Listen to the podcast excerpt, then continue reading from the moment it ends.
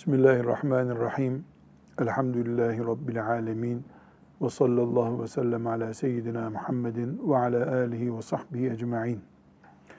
Riyazu Salihinimizde yeni bir başlığa geçtik. Emaneti yerine getirmek. Başlığımızın adı bu. Emanet. Türkçe'de biz emaneti filancalar işte tatile gittiler de ya da hacca gittiler de arabasını bizim evin önünde bıraktılar.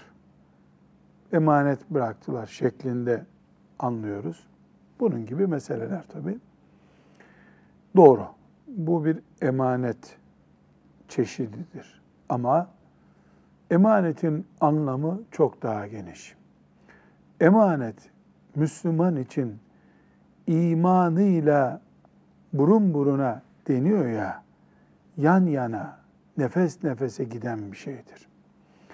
Emanet bizim için sadece komşunun küreğini aldık da bu kürek kaybolmasın düzeyinde değildir.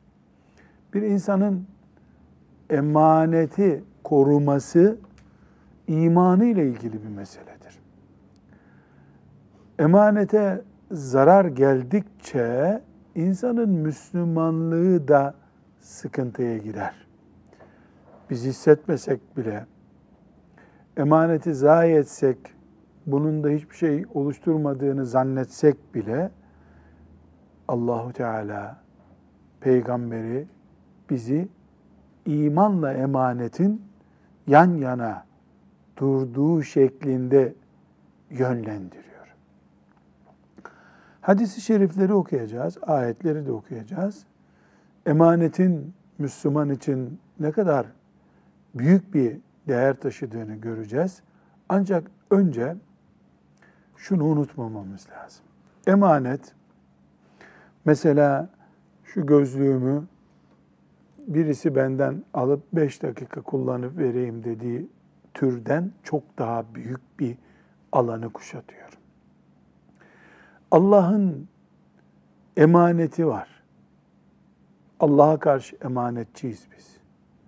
Kulların emaneti var, kullara karşı emanetçiyiz. İslam Allah'ın emanetidir bize. Müslümanlık Allah'ın emanetidir. Eşler birbirlerinin emanetçisidirler. Çocuklar anneye babaya Allah'ın emanetleridir. Bu gözlük benim gözlüğümdür. Bir kardeşim bunu bir gün emanet alabilir, bir saat emanet alabilir. O da bir emanettir. Emaneti şöyle algılamalıyız. Aslı bana ait olmayan, bende başkası adına bulunan her şey. Çocuk benim değil ki Allah'ın yarattığı mahluk. Bende emanet. Komşunun arabası bende emanet. Komşunun onuru da bana emanet. Komşumun, mümin kardeşimin sırrı bana emanettir. Ben o sırrı yaydığım zaman emanete hıyanet etmiş olurum. Çünkü ona ait bildiğim şeyler bende kalsın diye bana söylendi. Ben bunu başkasına aktardığımda emaneti hıyanetle bozdum demektir. Emin insan emaneti koruyan insandır. Emanet din olur dedik mal olur, eş olur, çocuk olur, söz olur. Sır, söz emanettir. Bırakılan parayı, emanet parayı çarçur eden de haindir. Bırakılan sırrı, sözü çarçur eden de, yayan da emanete hıyanet etmiştir. Müslümanlık farklı. İslam büyük. İslam Allah'ın dini. Resulullah sallallahu aleyhi ve sellem Müslümanların onu peygamber bildiği zamandan önceki zamanlarda da emin insandı. Emin olduğu için Allah'ın peygamberlik emaneti ona yüklendi. Emin bir peygamberin emaneti olmayan Müslümanları olamayız. Olduğumuzu zannederiz. Kendi kendimizi aldatmış oluruz. Emanetle ilgili ayetler var. Hadis-i şerifler var. Bu ayetleri ve hadisi şerifleri okuyarak kendimize çeki düzen vermek zorundayız. İnşallah istifade edeceğiz. Nisa suresinin 58. ayetinden okuyalım. Euzu billahi mineşşeytanirracim. Bismillahirrahmanirrahim. İnna Allah ya'murukum en tu'addul emanati ila ehliha. Hiç şüphesiz Allah size emanetleri ehline teslim etmenizi emreder.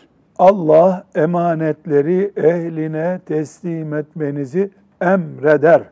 Nisa suresi 58. ayet. Allah namaz kılmanızı emrediyor der gibi bir şey bu. Allah oruç tutmanızı emrediyor der gibi bir şey bu. Dolayısıyla sandığa geçip oy kullanan bir Müslüman bir tür emaneti yerine getiriyor veya hıyanet ediyordur. Oyları alıp bir göreve getirilen veya atama yöntemiyle bir dairenin başına getirilen birisi bir emanet taşıyordur. O emaneti yerine getirip getirmediği, ehlini kullanıp kullanmadığı onun Müslümanlığıyla ilgilidir. Bir dahaki seçimlerdeki sonucuyla ilgili olmaktan önce ona şah damarından daha yakın olan Allah'ın murakabe ettiği bir iştir o. Bu emaneti yani görevlendirmeyi, bütçeyi harcamayı ehli açısından mı yapıyor, kollama açısından mı yapıyor? Bu kararı kim verecek? Allah verecek. Ta siyasetten bir komşunun kovasını emanet almaya varıncaya kadar. Öğretmen olup çocukları emanet olarak karşımda eğitmek için bekletmekten Allah'ın lütfettiği anne babalık nimetiyle sahip olduğum çocuğun emanetliğini değerlendirmeye varıncaya kadar. Emin bir mümin miyim? Hain bir mümin miyim? İyi düşünmek zorundayız. Emanet ve hıyanet geçerli. Biz hain kelimesine işte vatana hıyanet gibi büyük bir anlam yüklüyoruz. Emaneti bozuyor olduktan sonra her şeye hıyanet yapılabilir. Nisa suresinin 58. ayetini unutmuyoruz. Ahzab suresinin 72. ayetini İnna aradna'l emanete ale's semavati vel ardı vel cibali فأبينا أن يحملنها وأشفقن منها وحملها الإنسان إنه كان ظلوما جهولا Sadakallahu azim. biz emaneti göklere, yere, dağlara sunmuşuzdur da onlar bunu yüklenmekten çekinmişler ve ondan korkup titremişlerdir. Pek zalim ve çok cahil olan insan onu yüklenmiştir. Bir daha okuyalım bu meali. Biz emaneti göklere, yere, dağlara sunmuşuzdur da onlar bunu yüklenmekten çekinmişler ve ondan korkup titremişlerdir. Pek zalim ve çok cahil olan insan onu yüklenmiştir. Ee, buradaki emanet nedir? Allah'ın dinidir. Kur'an'dır. Yeri gelir ahlaktır, şeriattır. Nasıl oldu, ne yapılacaktı onu bilmiyoruz ama Allah bu ayette Ahzab suresinin bu ayetinde emaneti yani kulluk görevini, kulluğun gereklerini dağlara, göklere yüklemek istediğini ama onların çekindiğini, titrediklerini buyuruyor. Nasıl olacaktı, nasıl namaz kılacaktı dağlar, nasıl hafız olacaklardı, nasıl Kur'an okuyacaklardı bilmiyoruz. Rabbimiz böyle buyurdu. Ayrıntısını zaten önemsemiyoruz. Ayrıntısı bizim için önemli değil.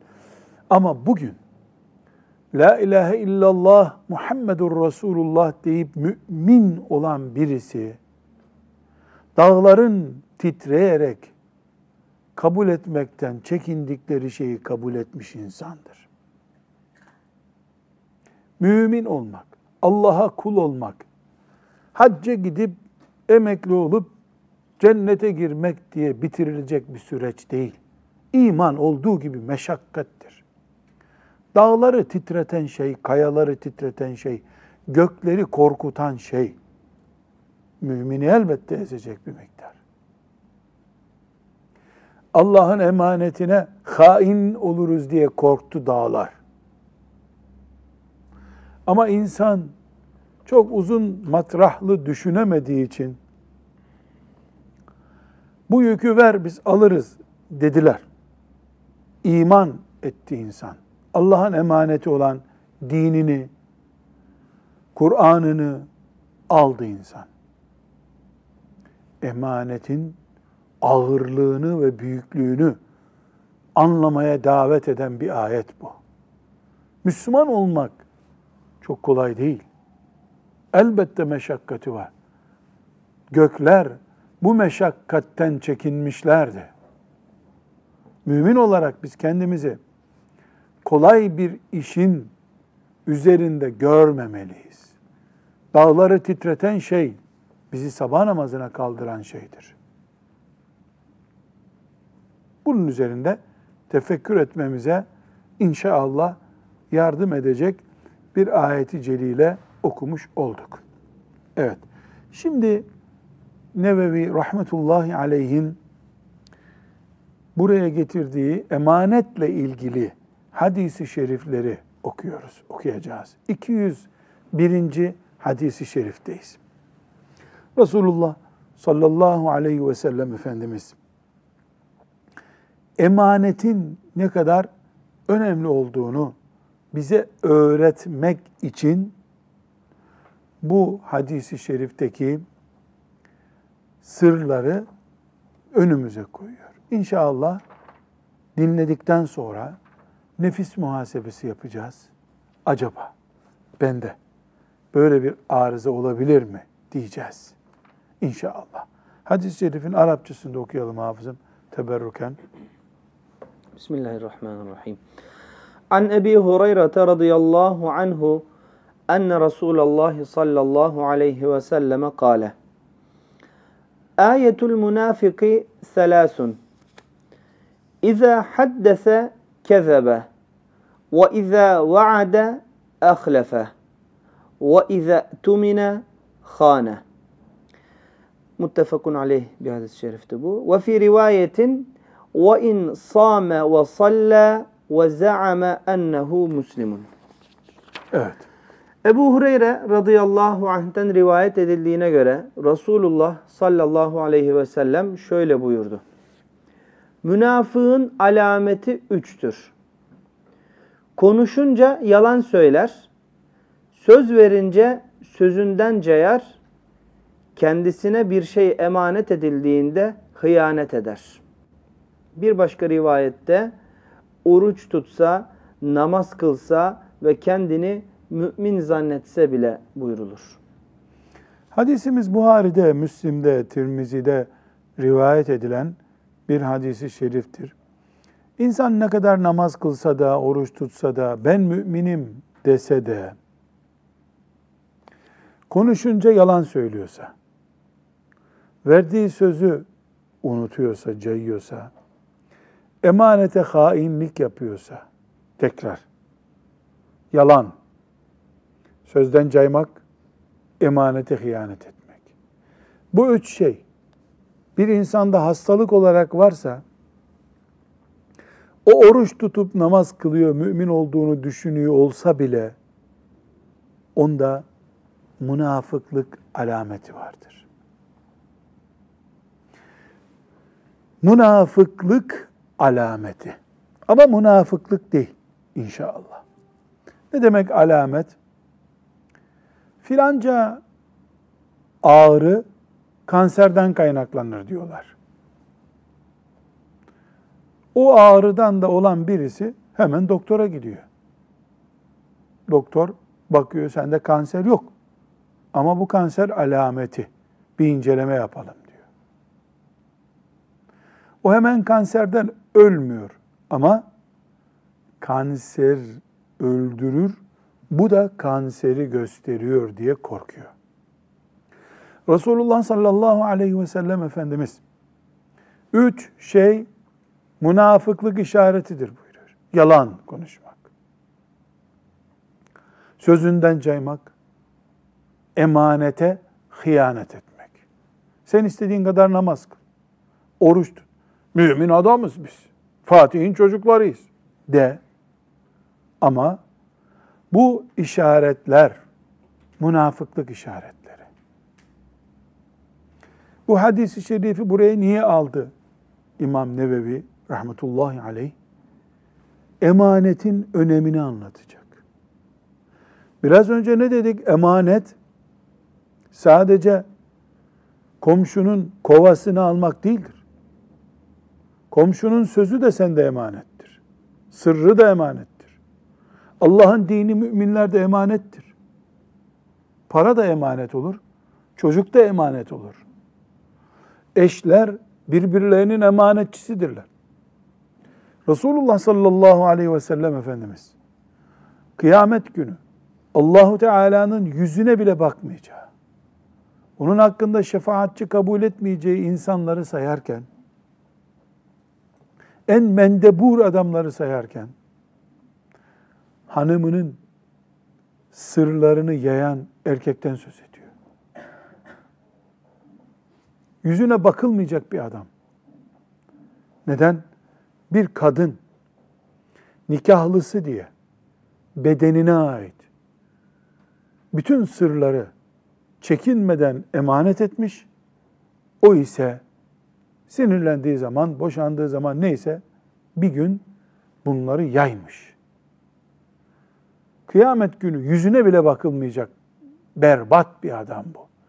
Çünkü en ağır emanetlerden birisi olan bir Müslüman kadının bedenine ait emanete hıyanet etmiş. Hiç bunun evrilecek, çevrilecek bir tarafı yok. Emanete hıyanet münafıklık işareti. Peki münafıklık ne demek? Tam Türkçesiyle gavurluk demek. Ama münafık adi insandır. Gavur olduğunu bile cesaret edip söyleyemez. Onun için münafıklığı bilimsel ifadesiyle tarif ettiğimizde aslında kafir olduğu halde Müslüman olduğunu söyleyerek toplumda prestij kaybetmemeye çalışan insan demektir. Münafıklık İslam toplumunda Bedir gazvesinden sonra baş gösterdi. Medine'de Resulullah sallallahu aleyhi ve sellem Efendimiz müşriklerle ilk defa Bedir gazvesini ikinci senede değil mi? İkinci senede Bedir gazvesini yaptı. Şirkin net bir şekilde başı koptu. Ebu Cehil öldürüldü. 70'ten fazla müşrik geberdi gittiler. Büyük bir zafer. Kur'an-ı Kerim bunu büyük zafer olarak isimlendiriyor. Büyük bir zaferle Resulullah sallallahu aleyhi ve sellem Medine'ye döndü. İçinde Müslümanlığı sindirememiş olanlar ama Müslüman görünüyorlar, camiye geliyorlar, namaz kılıyorlar. Baktılar ki Müslümanlar artık Mekke'nin işini bitirmeye başladılar. güçlendiler, toprağa kök saldılar. Bu sefer şöyle bir strateji geliştirdiler. Biz Müslüman değiliz demeyelim. Çünkü güç bunlardan yana, iktidardalar bunlar. Müslümanız diyelim ama Müslüman gibi de yaşamaya hiç mecbur hissetmeyelim kendimizi. İki yüzlü demek münafık. O Bedir'le beraber başladı, Bedir'den sonra başladı. Kıyamete kadar da devam edecek. Ama Somali'de olmayacak bu. Neden? Somali'de zaten Müslümanlar sefalet içerisinde, fakr zaruret içerisinde. İslam'a, Müslümana niye yağcılık yapsınlar ki? Bu nerede olacak? Müslümanların iktidar nimetiyle yüzleştikleri yerde olacak. Müslümanların servetinin bulunduğu yerde olacak. Kıyamete kadar olacak ama. İslam güçlü ise, Müslüman kabzası güçlü bir Müslüman ise, işçisi ona münafıklık yapacak. Siyasetçi ise Müslüman güçlü olarak vatandaş ona münafıklık yapacak. İçine İslam'ı sindirememişlerin Müslüman görünme hastalığı demek münafıklık. Bunu Allah bilir. Kimin münafık olup kimin olmadığını Allah'tan başkası bilemez. Niye bilemez? Çünkü gizli bir hastalık bu. Kafir açık. Ben İslam'ı istemiyorum diyor. Münafık gizli. Ben İslam istiyorum diyor. Ama istemiyor. Bunu Allah bilir. Peki Müslümanlar bunu keşfedemezler mi? Müslümanlar bu konuda tedbir alabilirler. İşaretlere bakabilirler. Kimseyi damgalayamazlar ama. Çünkü kesin kararı sadece Allah Teala bilir. Peygamber Efendimiz bile sallallahu aleyhi ve sellem Allahu Teala'nın ona bildirdiğini isimleri açıklamadı. Şu şu şu münafıktır demedi. Böyle bir gelenek oluşur. İnsanlar önüne geldiğine münafık derler diye çekindi. Ama münafıklığın işaretleri var. Bu işaretler herkesin kendisini test etmesi için gerekli. Nasıl doktora kan tahlili yaptırıp bizde bir hastalık var mı diye baktırıyoruz. Müslüman da kendisini Müslüman zannettiği halde aslında İslam'a karşı arızası içinde sorunları olan biri olup olmadığını test edebilir. Bu testlerden üç tanesi bu hadisi şerifte geçiyor. Yalan konuşuyor ve yalanı sakıncasız buluyor mu? Evet. Üçte bir oranında münafıklık alameti var. Namaz kılıyor, oruç tutuyor. Ben Müslümanım diye yumruğunu kaldırıyor. Onları boş versen. Resulullah sallallahu aleyhi ve sellem gerçeği haber veriyor. Yalan söylüyor. Ağzından bir defa kaçtı, pişman oldu ayrı bir mesele. Yalan söylüyor. Tamam. İki, söz veriyor. Hiç önemli değil sözü onun. Cayıyor. Randevuda bir söz tabi. Bu da hastalıklı. Aynı şekilde emanete hıyanet ediyor. Hiç de yüzü kızarmıyor. Ufak tefek gerekçelerle kapatıyor işi. Münafıklık işareti. Peki bu münafıklık işaretleri telafi olur mu? Elbette. Tövbenin kapatmadığı bir yara yoktur. Şirk en büyük suç. Allah yoktur demek. Allah'ın oğlu var, haşa kızı var. Allah'ın eşi var demek. Nauzu billah. Putları ilah edinmek en büyük suçtur. Bunun tövbesi yok mu? Var. İman kapatmıyor mu bahçeyi? Evet. E ashab-ı kiram Allah onlardan razı olsun. Hep o bataklıktan geldiler zaten. Meleklerle boy yarıştılar ama. Allah onlardan razı olsun. Dolayısıyla münafıklık belirtisi olan bu işaretler kesinlikle tövbesi olan şeylerdir. Ama tövbe o çok kötü oldu, pişman oldum demekle bitmiyor. Tövbeden sonra orijinale dönmek şartıyla tövbe tövbedir. Hem tövbe ediyor hem bildiğini yapmaya devam ediyor. Bu tövbe değil. Bu oyalanmadır. Şeytan hem o hatayı işleterek onu kandırdı, sonra da tövbe ettin numarasıyla üstünü küllendirdi ama bildiğini yaptırarak kat kat günaha sokmaya devam ediyor. Bir başka hadisi şerif daha var, o burada zikredilmiyor. Efendimiz sallallahu aleyhi ve sellem dördüncü bir işaret daha söylüyor. Münafıklık işareti. وَاِذَا خَاسَمَ fecara.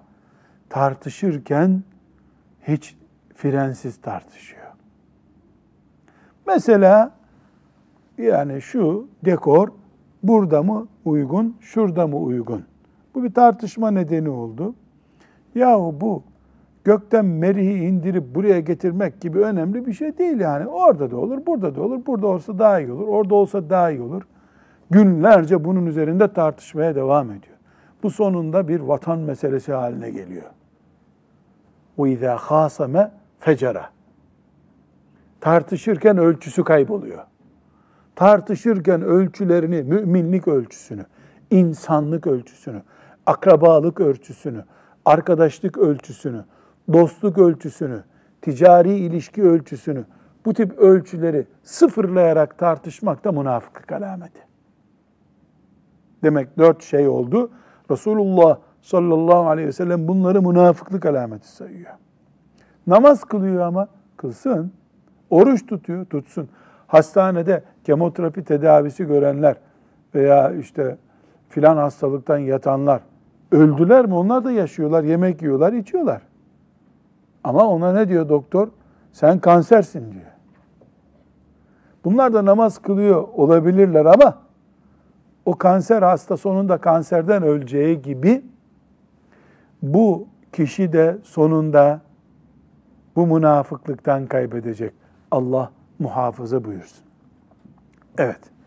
Bu hadisi şerifi e, inşallah e, test etmek için kendimizi acaba bende böyle bir hastalık var mı diye denemek için kesinlikle muhakkak okuyup amel edeceğimiz hadisler arasına koyacağız.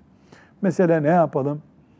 Bu hadisi şerifi okuyan veya dinleyen mümin kardeşlerimiz akşam evine gittiğinde hanımıyla bu hadis-i şerifi tekrar okuyup ya birbirimizi test edelim bu konuda. Belki ben göremiyorum kendimi. Sen hiç bende yalan konuştuğum halde onu önemsemediğim gibi bir şey gördün mü? Sormalı. Eşler birbirlerinin aynası olmalılar. Arkadaşlar birbirlerinin aynası olmalılar. Nasıl mesela namazda yanlış yapıyor, öbür Müslüman kardeş yanlış yaptın bu namaz böyle kılınmaz diyor.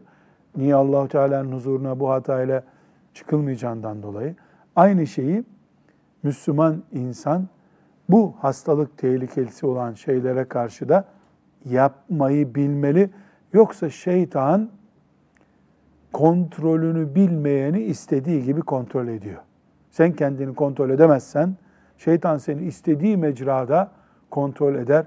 Nauzu billahi teala. 202. hadisi şerife geçelim. Bu hadisi şerifi Huzeyfe tübnül Yemen radıyallahu anhu arda bize rivayet ediyor. Bu hadisi şerifte neler göreceğiz? Emanet denen şeyin damarlarımızda kan dolaştığı gibi imanımızın dolaşan hücrelerinden olduğunu söyleyecek.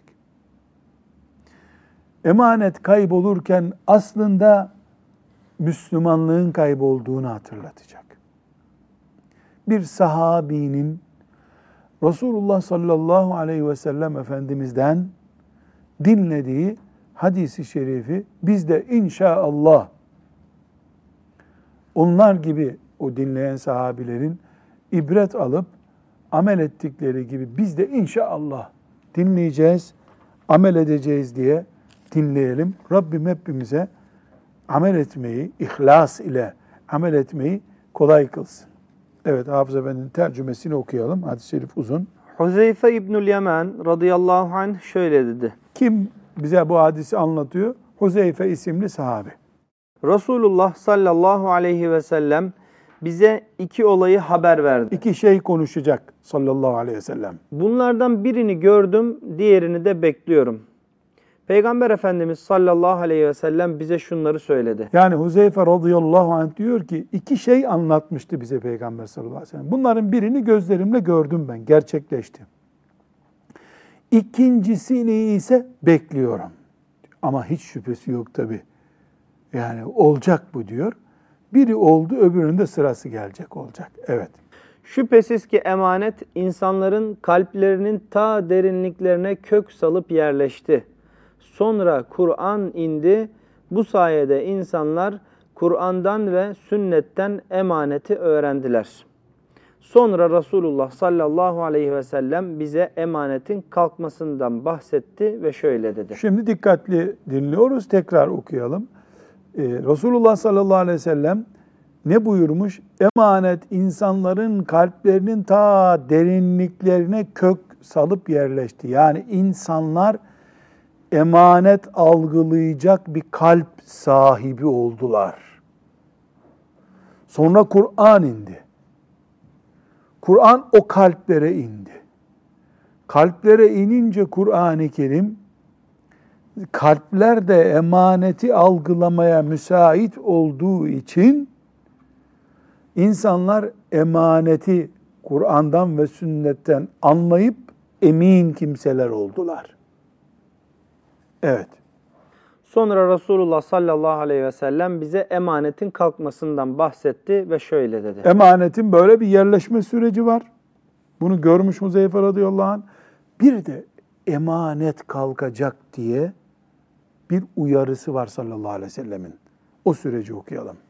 İnsan bir kere uyur ve kalbinden emanet çekilip alınır. Ondan belli belirsiz bir iz kalır. Yani insan yatıyor gece, sabahleyin kalkıyor, emanet anlayışı, emin olmak ondan sökülüp alınmış. Akşam ağrısız yatıp sabahleyin kalp kriziyle kalkmak gibi bir şey bu. Emin mi değil mi tereddüt başlıyor bu sefer. Sonra bir kere daha uyur, yine kalbinden emanet alınır. Bu defada ayağının üzerinde yuvarladığın korun bıraktığı iz gibi bir eseri kalır. Sen onu içinde hiçbir şey olmadığı halde kabarık görürsün. Yani bu misal çok enteresan. Yani bir e, ayağına kor değdi, ateş değdi. E, o orayı şişiriyor, kabartıyor. Orada yeni bir vücut var gibi zannediyor. Yeni bir deri var gibi değil aslında. Yani emanet bir gece uyuyor insanlar büyük oranda gidiyor. İkinci gece uyuyor, kökleri gidiyor. Bir izi kalmış, yara izi gibi bir şey kalmış emanetten. Emanet demek ki bir insanın parasını kaybettiği gibi kaybolup gidiyormuş. Evet. Daha sonra Resulullah sallallahu, Sallallahu aleyhi ve sellem eline çakıl taşları alarak ayağının üzerinde yuvarladı. Sözlerine de şöyle devam etti. Yani eline çakıl taşı alıyor, fırlatıp atıyor onları. Neticede insan o hale gelir ki insanlar alışveriş yaparlar da neredeyse emaneti yerine getirecek bir kişi bile kalmaz. Hatta şöyle denilir. Filan oğulları arasında emin bir adam varmış. Bir başka kişi hakkında da ne kadar cesur, ne kadar zarif, ne kadar akıllı bir kişi denilir.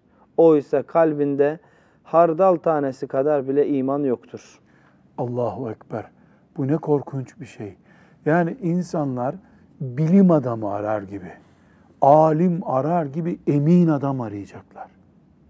Çarşıda, pazarda, demek emanetin ilk kaybolacağı yerler burası. Çarşıda, pazarda emin insan kalmaz. Bu bir afet işareti. Ama bu afeti hissetmemek de başka bir afet. Evet. Şüphesiz ki bir zamanlar sizin hanginizle alışveriş yapacağımı aldırmazdım. Çünkü alışveriş yaptığım kişi Müslümansa dini kendisini benim hakkımı vermeye yöneltirdi. Şayet Hristiyan ya da Yahudi ise valisi benim hakkımı vermeye onu sevk ederdi. Fakat bugün sizden sadece belli birkaç kişiyle alışveriş yapıyorum. Kim söylüyor bu sözü? Huzeyfe. Allahu Ekber. bu ashab-ı kiramın en üstün meziyeti olan büyük sahabilerinden. Efendimizin sırdaşı değil mi bu? Evet ve Efendimizin vefatından en fazla belki 30 sene, o 40 sene sonra 30 gerçekleşmiş. sene çok zor. Yok e, evet. Yok o kadar yok. Yani Huzeyfe radıyallahu anh bir şeyin kaybolduğundan söz ediyor. Ne diyor? Ben çarşıda pazarda ticaret yaparken bir çekinmiyordum. Neden? Karşımdaki Müslüman zaten. Hakkımı yemez düşünüyordum. E, Müslüman değilse de e, vali Müslüman hakkımı getirir geri zannediyordum diyor. Şimdi ise ticaret yapacak adam az kaldı diyor. Bu son paragrafı bir daha okuyalım. Bir sahabinin e, toplumdan, İslam toplumundan emanet anlayışının, emin olmanın kalkma sürecini nasıl tarif ettiğini görüyoruz. Şüphesiz ki bir zamanlar sizin hanginizle alışveriş yapacağımı aldırmazdım. Çünkü alışveriş yaptığım kişi Müslümansa dini kendisini benim hakkımı vermeye yöneltirdi. Şayet Hristiyan veya Yahudi ise valisi benim hakkımı vermeye onu sevk ederdi. Fakat bugün sizden sadece belli birkaç kişiyle alışveriş yapıyorum. Rabbim ümmetimizin bugününde hepimize yardım etsin. Emanet kaybolması ekonomimizin zarar etmesinden daha büyük bir zarar. Çünkü emanet gidince ailede kayıp var. Ticarette kayıp var. Sokakta kayıp var. Siyasette kayıp var. Emaneti kaybolmuş bir toplum çok şey kaybediyor. İmanına ait şeyleri kaybediyor. Çünkü biz emaneti sıradan bir ahlak, emin olmayı, sıradan bir ahlaklılık görmüyoruz. İmanımızda baş başa yürüyen bir değer olarak görüyoruz. Mümin emin insandır.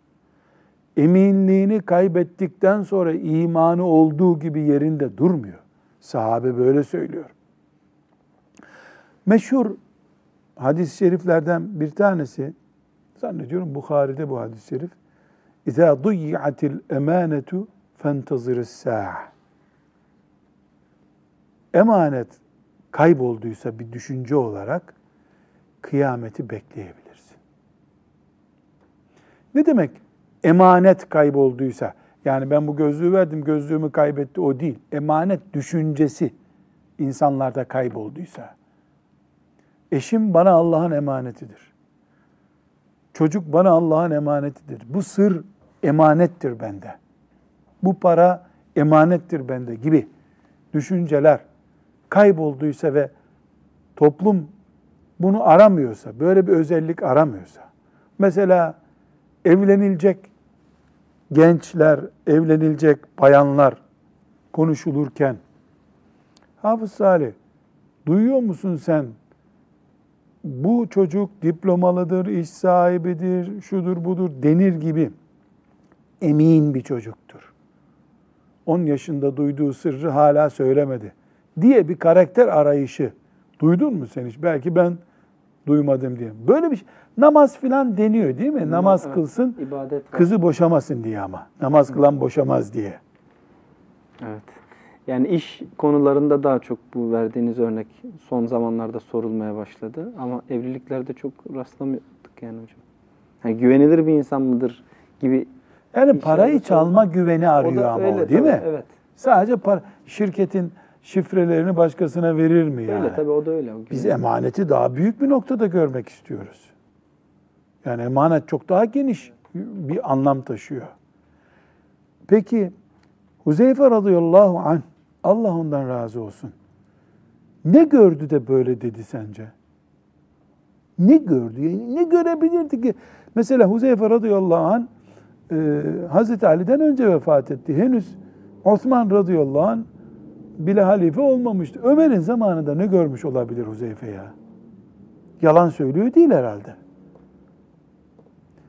Ona göre gördüğü şeyler bize göre sevap bile Allah bilir. Bu kim bilir mesela bizim rakamlarla söylemek için söylüyorum.